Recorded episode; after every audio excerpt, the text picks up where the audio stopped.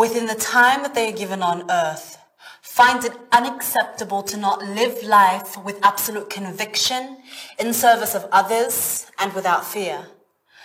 Hachalu was one of those people. We know that not only from his life, but in the event of his death, so many lives and timelines, whether political, social, or otherwise, were altered in magnificent and irreversible ways.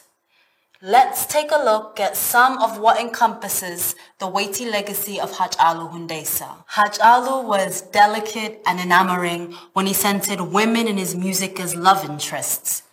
But he was deliberate to spotlight the force that Oromo women bring to our struggle for liberation.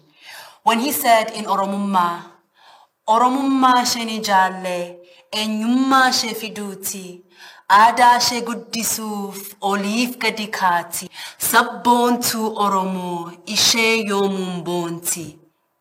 He paints a picture of a fierce Oromo woman organizer who was unafraid and unfailing in her mission. In the staunch tribute to the warrior Wallo people in Kulle Ko, he centers the heroic persona of Kulle when he says,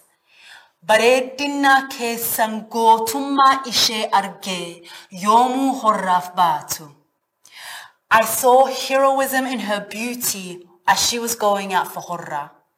After the assassination of Hachalu, many Oromo people reflected on part of his legacy as being that of a cultural archive. When you hear the words Rigashole, it conjures the visual of a striking Karayu man with his riga in mouth traveling on foot or preparing for battle. When you hear Ya Galgalesi Tulal Tumanuki, imagery of a woman or man seated somewhere outside of a house, moye between their feet or knees, pounding the nugi is evoked.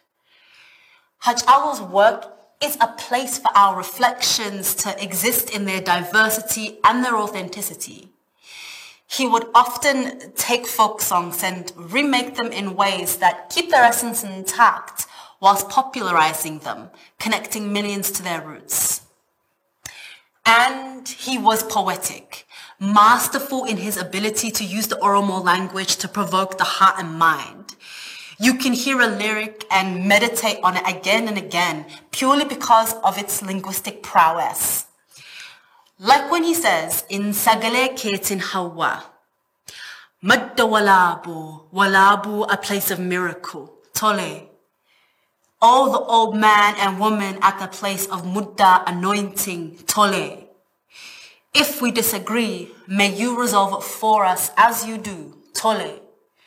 You are a venue for history and the promulgation of laws, Tole. Or when he says again in Kuleko, a great one originated from Walabu, a still morning water. I can't quite quench my yearning for you, and I'm shaken by the waves of your thoughts. When Jirra was released, it was like our ability to articulate a future, a hope, an optimism was resuscitated. Jirra bulle bari arguf. We are here. We have experienced the night to bear witness to the sunrise.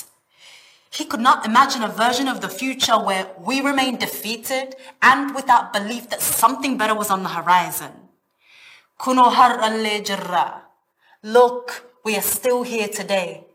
Every person from young organizers in Oromia, those in our armed struggle, to every person in the diaspora was revitalized when he gave us this rallying cry, saying, don't give up. We are still here. Hachalu was unrelenting in naming the violence of the Ethiopian Empire on Oromo lands and people, critically aware of the sacredness that the Oromo view land with, and how the violence perpetuated upon the lands is intrinsically connected to the violence perpetuated on people, he exclaims in Malanjira, Digani gara sana, gara digamu malle, nubasan Addaan baane nu addaan ba'uu They destroyed the mountain that was not to be destroyed. They divided the people, and we should have never been divided. Turning his gaze inward, pensive and reflective, Hachalu offers the following piercing lines of analysis in Mal Malisa. We sacrificed many people of wisdom and heroes, and behold, we have reached here. Anole and Alanko have passed, yet again we face the unspeakable at Bishoftu. Because we are compassionate, we became easy for our enemies. We have been dying for over a century, and here still we die. And he was never quiet about our role as a people in this violence. He continues in Mal Malisa. Tokko hin du'a, tokko hin ajjesa. One dies and the other does the killing. Referring to the traumatizing dynamic where Oromo individuals are frontline workers in the project of violence across Oromia. Perhaps one of the most iconic moments in which Hachalu spoke truth to power very literally was at his Millennium Hall performance of 2018 in the presence of Abiy Ahmed, of Shimelis Abdisa, the president of Oromia, and many other high-ranking officials, Hachalu came on stage with this uncontainable energy, and he brought attention to the plight of political prisoners across Oromia, and he paid homage to freedom fighters of the past. He said in his Guerrersa, Animalang guerrera ano yaadan yeellala dhiirri geerrarree hin quufne hidhaa qaallitti jira. Dhiirri geerrarree hin quufne hidhaa qilintoo jira. Dhiirri geerrarree hin quufne hidhaa qarcallee jira. Qarcallee amboo jira. Anoo maalan geerraraa saba koo falme du'ee taaddasaa birruu ta'a saba koo falme du'ee waaqoo guutuu ta'a. Biyyi koo falmee du'aa oliinkaa dinqii ta'a. Biyyi koo falmee du'ee balaa. In naming his final album, Hachalu was posing an outward question to us as a nation. Mal Malisa, what is the solution? But if we look back at the bodies of work that he has released, and in the song Mal Malisa itself, Hachalu is trying to point us forward. Using a long and often heavy winter jacket as an analogy, Hachalu says in Masangama, Ko portan orminama, himbatu yo aban ufi, bata tumale. No outsider is going to carry your weight unless you carry it yourself. He continues by saying that oppression brought upon you by others, by your enemies. Who's going to protect you from it when it is you that must protect yourself? Iman Malisa, Hachalu is striving to awaken us to see ourselves the way that he saw us. As drivers of our destiny, as protectors of our land and all who live on it. Ala ega. Don't wait on the outskirts dreaming, he says, an unrealistic dream. Hintane, ka fatu fardakein falmi. Summon your horses and fight. Arat kilov situane. You're closest to what can be considered the center of political power in Ethiopia that is on Oromo land, and the Hachalu's clans people, the Tulama, were violently displaced from over a century ago with that violence continuing today.